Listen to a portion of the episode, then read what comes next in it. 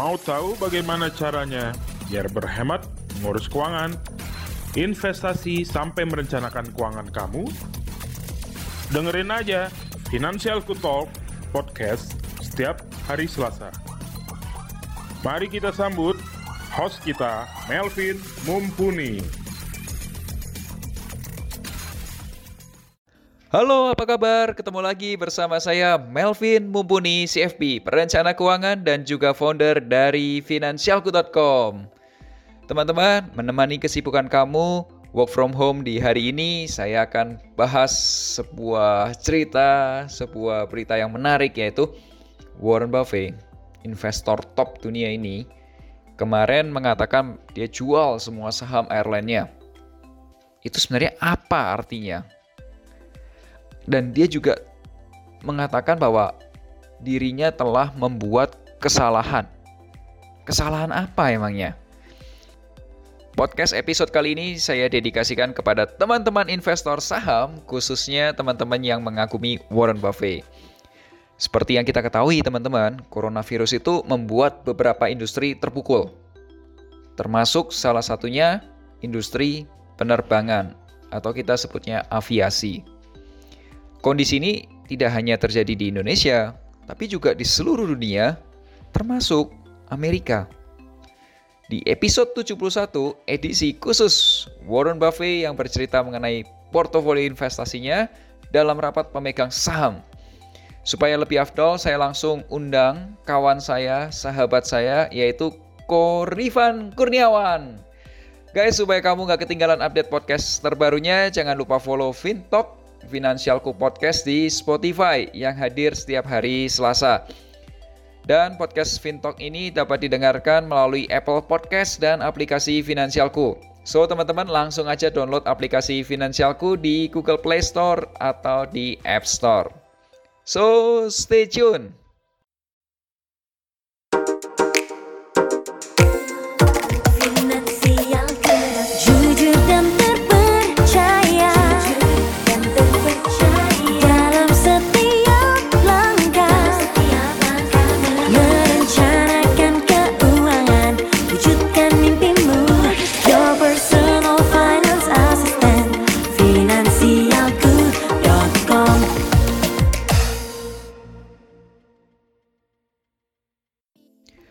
Sebelum bahas lebih detail, Sobat Finansialku dapat mengirimkan pertanyaan atau curhat keuangan melalui fitur konsultasi keuangan di aplikasi Finansialku.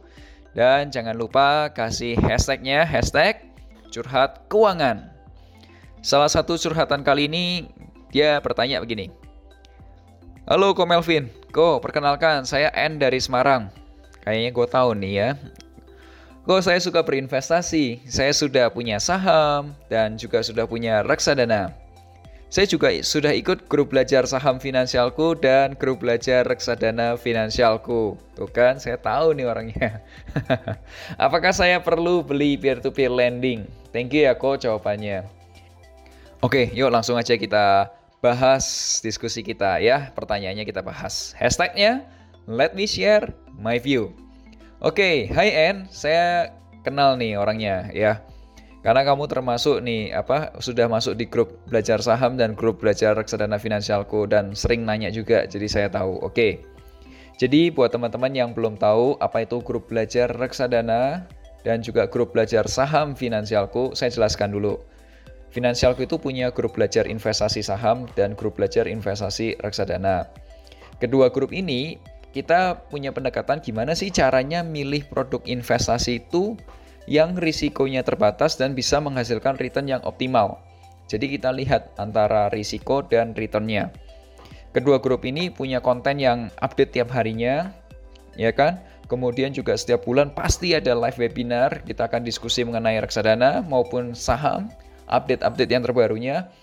Dan sekarang ini juga sudah ada lebih dari 500 anggota di masing-masing grup belajar. Kemarin grup belajar saham sudah ulang tahun yang pertama. Kalau grup belajar reksadana sudah lebih tua lagi. Sehingga kamu juga bisa saling belajar bersama anggotanya karena anggotanya sudah banyak banget. Kalau kamu pengen tahu grup belajar uh, baik grup belajar saham finansialku atau grup belajar reksadana finansialku, kamu bisa WhatsApp aja di nomor WhatsApp 0819 11 51 61 Saya ulangi. 0819 11 51 6119 atau di Instagramnya at financialku underscore com. Tanya aja mau tahu grup belajar saham, grup belajar reksadana. Silahkan. Pertanyaannya adalah, apakah saya perlu beli peer-to-peer lending? Gini, jawaban saya adalah gini, bedakan antara investor dan kolektor. Teman-teman pendengar, coba renungkan. Apa bedanya investor dan kolektor. Investor adalah orang yang berinvestasi. Tujuannya apa? Tujuannya supaya investasinya dia dapat menghasilkan keuntungan, dapat dipakai untuk mewujudkan tujuan keuangan mereka. Itu investor.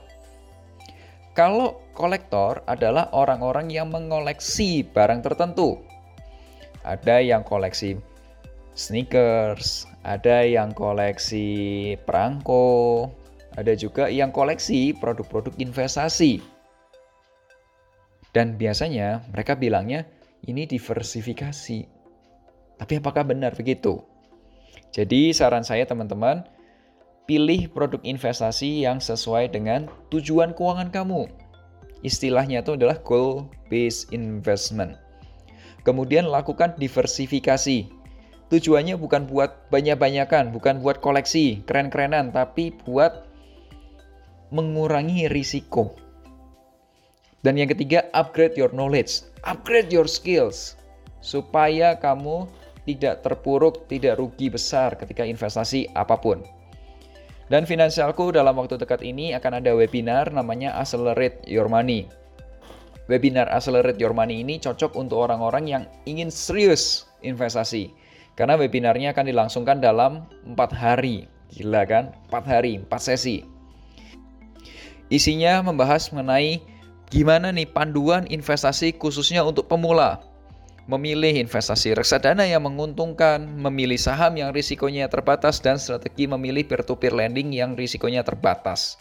Oke, kembali lagi kalau kamu pengen tahu, kamu bisa langsung tanya ke finansialku. Oke, kamu bisa tanya webinar Accelerate Your Money ke Finansialku di nomor WhatsApp 0819 1151 6119 0819 1151 6119 atau Instagramnya at finansialku underscore com. Oke, semoga penjelasan saya dapat bermanfaat dan membantu. Buat sobat finansialku, para pendengar podcast Fintalk, jika kalian mengalami kegalauan mengenai keuangan, investasi, asuransi, atau apa pun juga silakan langsung curhat ke podcastnya Finansialku. Caranya mudah banget kok. Kamu langsung aja download aplikasi Finansialku di Google Play Store untuk pengguna Android atau di App Store untuk pengguna iOS. Terus langsung aja ke menu konsultasi keuangan. Tapi jangan lupa kasih hashtagnya, hashtag curhat keuangan. Dan jangan lupa follow Finansialku di @finansialku_com dan @melvin underscore mumpuni untuk tahu diskusi yang lebih seru lagi.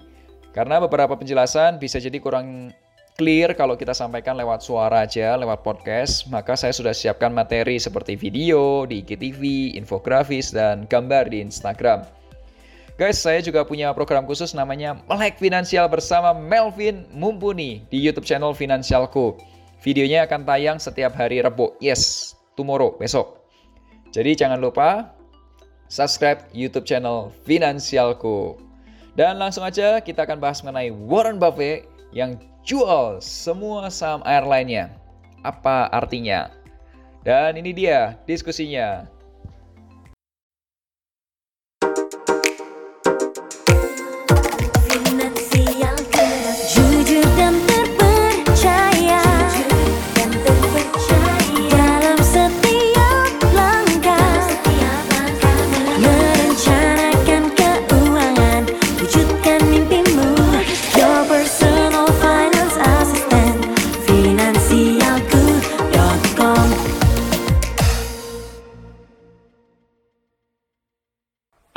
Teman-teman, kembali lagi bersama saya Melvin Mumpuni dan juga Rifan Kurniawan. Hari yes. ini di episode 71 podcast Fintalk, mm-hmm. kita itu lagi ngobrolin ini kok. Kemarin kan Warren Buffett ada melakukan shareholder meeting kan. Ya. Nah itu tuh ceritanya ditulisnya tuh gini headline-nya. Billionaire Warren Buffett sells all his US airline shares. Mm. dan juga dia admit he wrong gitu. Mm -hmm. Dia melakukan kesalahan gitu. Dia dia ngomong gitu. Ya. Nah sebenarnya sebenarnya kok tahu kan ceritanya itu? Yes, tahu dong. Ya aku mau tanya tuh gini. Intinya tuh Warren Buffett itu merasa kalau dia itu melakukan kesalahan dengan investasi di saham-sahamnya perusahaan airlines US, betul ya gitu ya kok ya? Ya betul. Ada Delta, ada ada apa ya? Ada empat ada, saya ada Delta, Southwest. Mm -hmm. Nah kalau Koko yang jadi Warren Buffett melakukan hal yang sama kan? Oke, nah jadi uh, kalau saya sendiri sih memang sejak dulu ya, sejak dulu memang nggak terlalu tertarik dengan uh, apa namanya dengan saham-saham di uh, airlines ya, terutama kalau kita bicara ya airlines di uh, Indonesia. Karena memang kalau menurut saya dari sebelum kejadian Warren Buffett uh, apa invest di tahun ini Warren Buffett kan invest uh, mulai tahun 2006 2015 2016 kalau saya nggak salah ingat di keempat yeah. maskapai tersebut ya. Uh, nah sejak itu saya uh, sebenarnya nggak udah nggak terlalu tertarik dengan uh, industri airlines. Karena kalau menurut saya industri airlines itu adalah industri yang sangat-sangat high capex. Nah jadi selain high capex uh, industri airlines ini juga uh, apa ya untuk bisa return itu uh, sulit banget. Ya, contoh nih, misal karena gini, kalau kita lihat struktur uh, cost dari uh, airlines ya, itu dia banyak uh, struktur costnya itu berat di uh, fixed cost. Ya, misalkan kayak dia harus beli uh, maskapai, ya harus beli armada itu pasti, ya kan. Dan umur kapal itu kan punya uh, apa punya umur ekonomis, betul ya.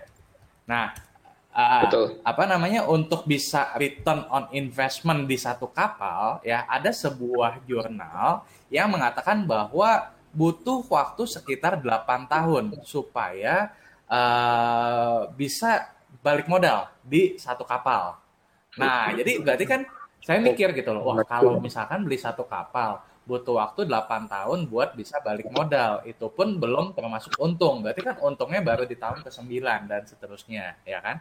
Berarti balik modalnya akan lama sekali dong, ya kan? Dan itu faktor pertama.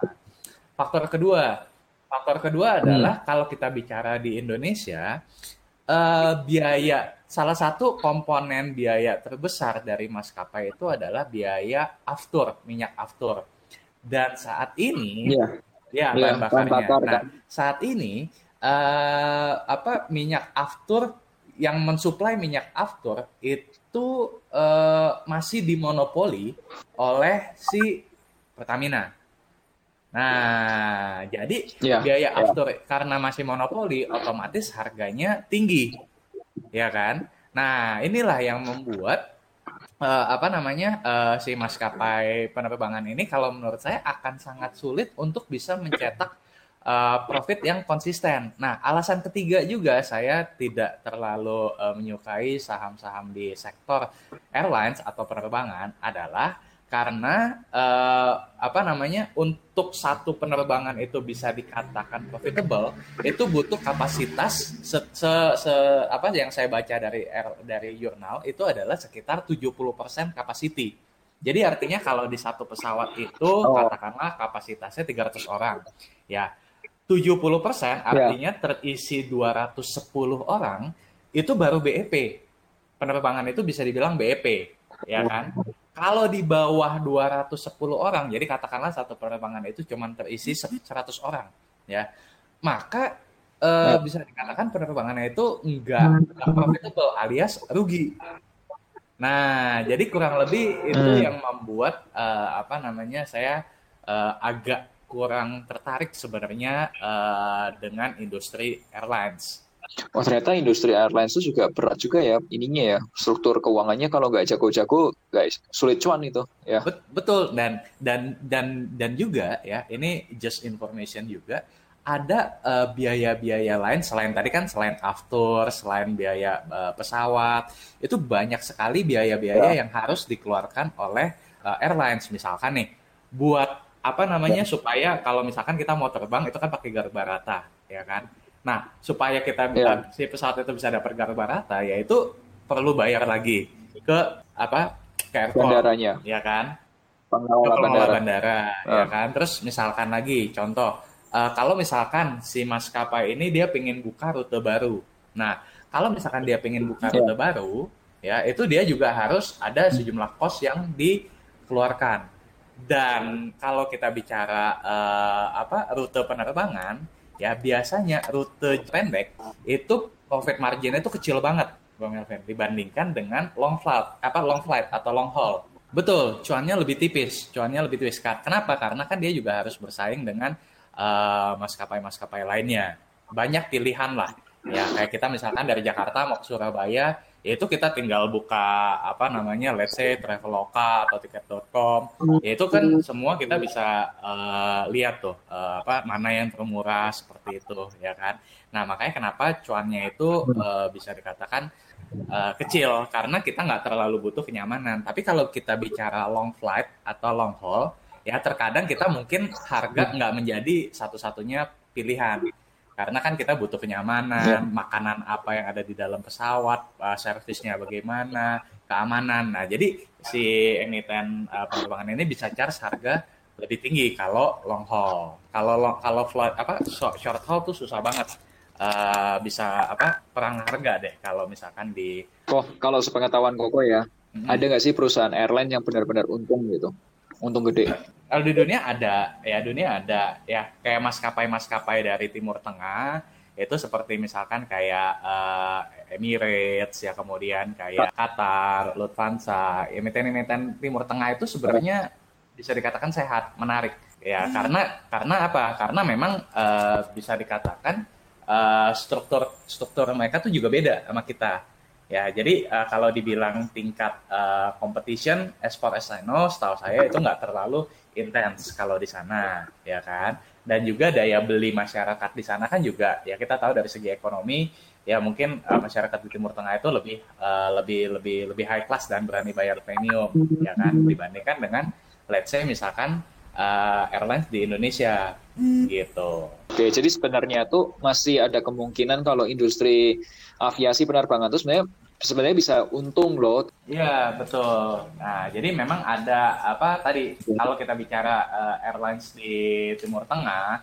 ya itu memang rata-rata profitable ya perusahaan yang bisa dikatakan sehat lah dan hmm. menarik buat invest sebenarnya. Tapi kalau kita bicara uh, di Indonesia ya mungkin karena faktor-faktor tadi ya pertama karena faktor persaingan harga ya persaingan antar maskapai ya kemudian juga uh, daya beli uh, apa namanya daya beli masyarakat uh, apa lebih sensitif terhadap harga. Nah hal-hal tersebut yang membuat uh, emiten apa penerbangan ini susah untuk menetapkan harga uh, yang premium untuk short haul atau untuk penerbangan pendek gitu. Di Indonesia itu adanya apa sih Garuda Indonesia Ya sebenarnya kan kalau di Indonesia itu uh, sebenarnya udah menjurus, udah mulai menjurus ke arah kartel sih belakangan ini. Ya kan kayak misalkan nih Garuda sempat uh, apa namanya uh, affiliate sama si uh, Sriwijaya. Ya. Terus misalkan uh, AirAsia Group Musuhnya. sama Lion Group. Kalau Lion Group belum belum listing. Kan sempat kabarnya sempat kabarnya mau listing tapi belum jadi sampai sekarang. Tapi belakangan belakangan pecah lagi tuh uh, si apa Garuda sama Sriwijaya uh, pecah lagi. Kan tadinya kan KSO tapi belakangan udah pecah lagi. Ini di Yahoo Finance pun ada video sama masih Warren Buffett juga. Dia bilang you have to be careful how you bet on the market. Yang hmm. ini videonya Warren Buffett yang lagi shareholder meeting kan. Terus kemudian juga aku juga perhatiin minumnya juga masih Coca-Cola kan. Iya. Gila, itu itu usia 90 loh. Hebat ya. Hebat banget. Bisa jadi pendengar kita pun belum tahu nih, belum belum dengar videonya Warren Buffett yang bicara tentang you have to be careful how you bet on the market gitu. Nah, kalau menurut Koko yeah. itu dari video itu pen, uh, poin-poin penting apa sih yang bisa disampaikan ke pendengar kita apa sih yang harus carefulnya okay. tuh apa gitu. Oke. Okay. Nah, jadi uh, kalau kita perhatikan dengan lebih detail di video tersebut kan dia bilang ini kalau terjemahannya kurang lebih seperti ini ya. Saya hmm. tidak tahu apa yang akan terjadi dengan bursa bulan depan atau beberapa bulan dari sekarang. Dia bilang seperti itu. Ya kan, kita perlu hati-hati. Nah, ya. dia juga bilang bahwa uh, ketika kamu ingin membeli saham, perlakukan itu seperti kamu membeli partnership terhadap perusahaan dan bukan seperti flipping point. Nah, dia ada bilang seperti itu tuh. Jangan uh, kamu anggap uh, membeli saham ini seperti flipping point, eh, flipping coin atau apa uh, membalikan koin dan berharap kamu bisa mendapatkan keuntungan dalam waktu singkat. Nah, jadi yang saya tangkap dari pesannya Warren Buffett di situ adalah pertama, uncertainty ini masih tinggi. Uncertainty masih tinggi karena uh, apa namanya? Beliau juga bilang bahwa ini adalah musuh yang kita sama sekali belum pernah jumpai sebelumnya ya selama dia berdekade-dekade di pasar saham juga belum pernah menjumpai yang uh, kondisi yang seperti ini ya kan? Nah kemudian berarti Warren Buffett itu bilang selama 90 tahun terakhir selama masa semasa usianya dia itu dia belum pernah menemui kondisi seperti ini gitu kok. Yes betul. Jadi dia bilang kondisi seperti ini pun berbeda dengan uh, apa namanya kondisi uh, Great Depression. Seperti itu. Nah jadi Ya, 1929. Itu dia bilang kondisi sekarang nih beda dengan kondisi Great Depression. Nah, jadi uh, yang saya tangkap itu pertama, ya memang kita perlu hati-hati, ya jangan uh, apa namanya, uh, karena kondisi sekarang nih uncertainty-nya masih tinggi, ya.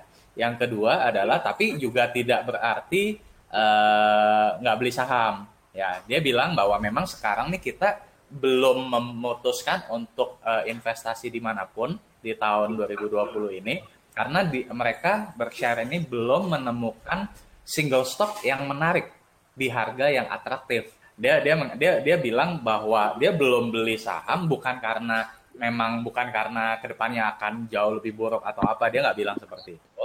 Tapi dia cuma bilang bahwa uh, saat ini kita belum menemukan uh, opportunity yang menarik untuk di invest.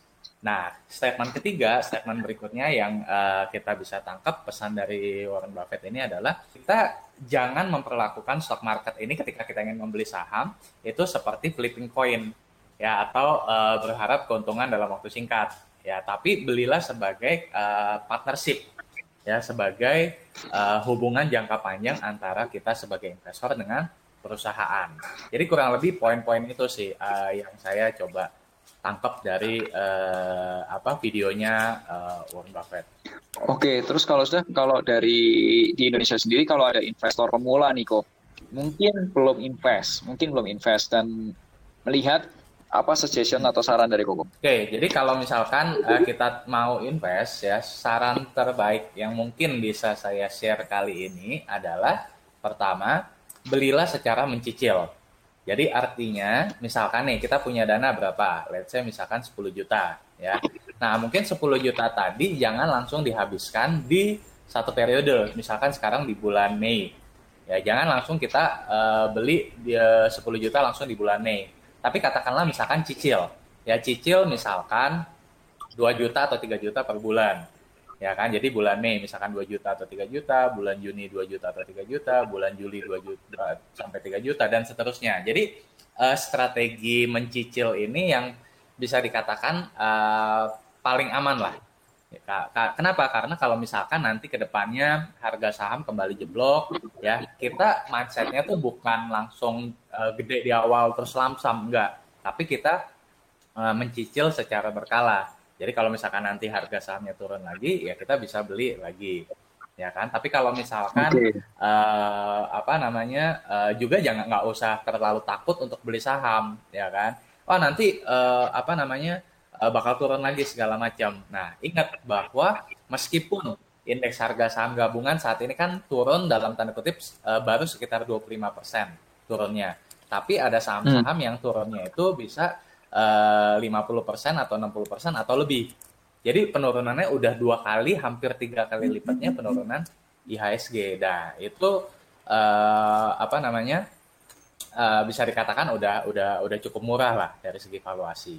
Nah kalau sudah kalau milih produknya sendiri atau milih sahamnya sendiri perusahaan yang mana saran kok gimana kok? Nah saran saya kalau untuk sekarang ya kita bicara uh, di tengah kondisi pandemik COVID-19 seperti sekarang ini, pertama pastinya perhatikan sektornya ya. Jadi uh, jangan juga kita nekat atau ngasal pilih sektor eh ternyata sektornya itu terdampak uh, signifikan terhadap COVID-19.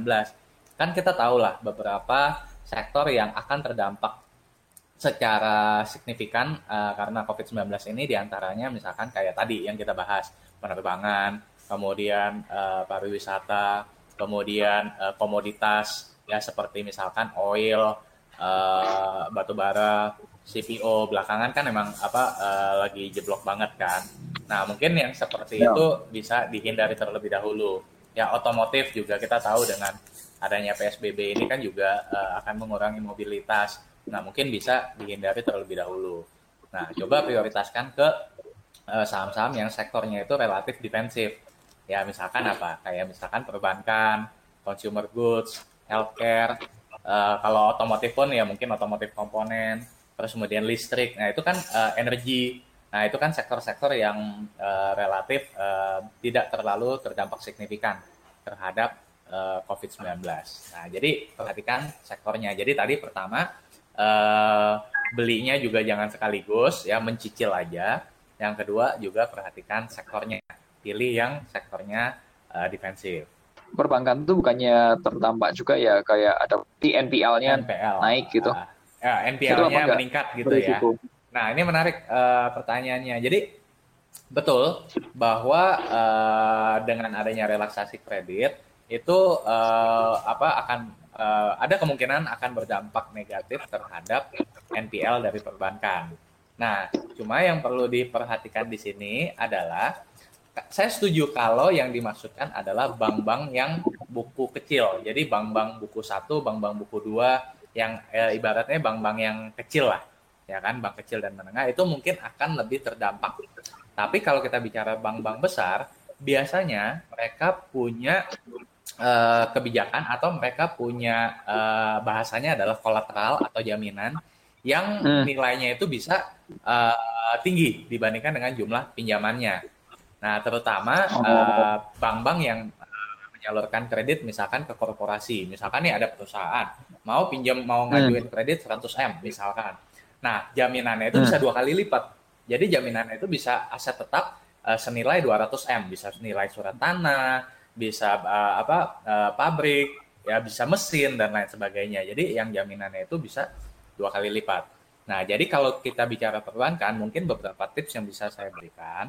Pertama, ya uh, kalau bisa ya hindari bank-bank yang uh, bank buku kecil ya bank-bank yang kecil ya. itu biasanya uh, risikonya memang lebih besar terhadap NPL yang kedua hindari bank-bank yang penyaluran kreditnya lebih banyak ke uh, apa namanya uh, segmen uh, UMKM ya Uh, okay.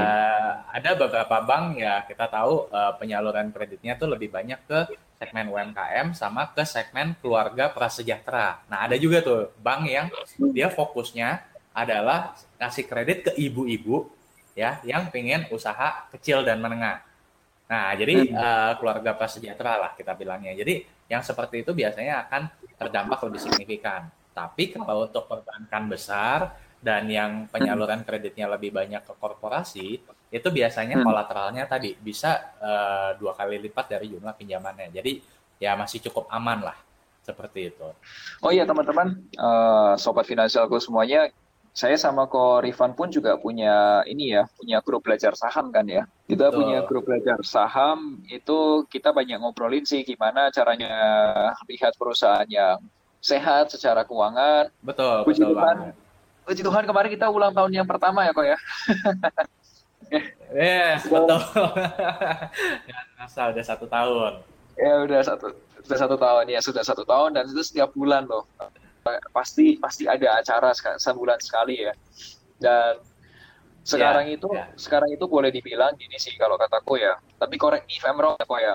Aku lihatnya tuh sekarang itu yeah. uh, saham itu tuh memang semua semua perusahaan sahamnya sekarang banyak yang ke diskon ya terdiskon dari harga Ya. harga harga market sebelumnya gitu tapi bukan harga aslinya dia itu yang berbeda sih diskonnya berbeda kebanyakan orang kalau yang baru-baru mungkin belum tahu eh, tentang tentang diskon konsep diskon ini saranku mendingan coba cek yang namanya intrinsic value atau ilmunya namanya Ya. value investing gitu ya gimana caranya memilih saham Ya.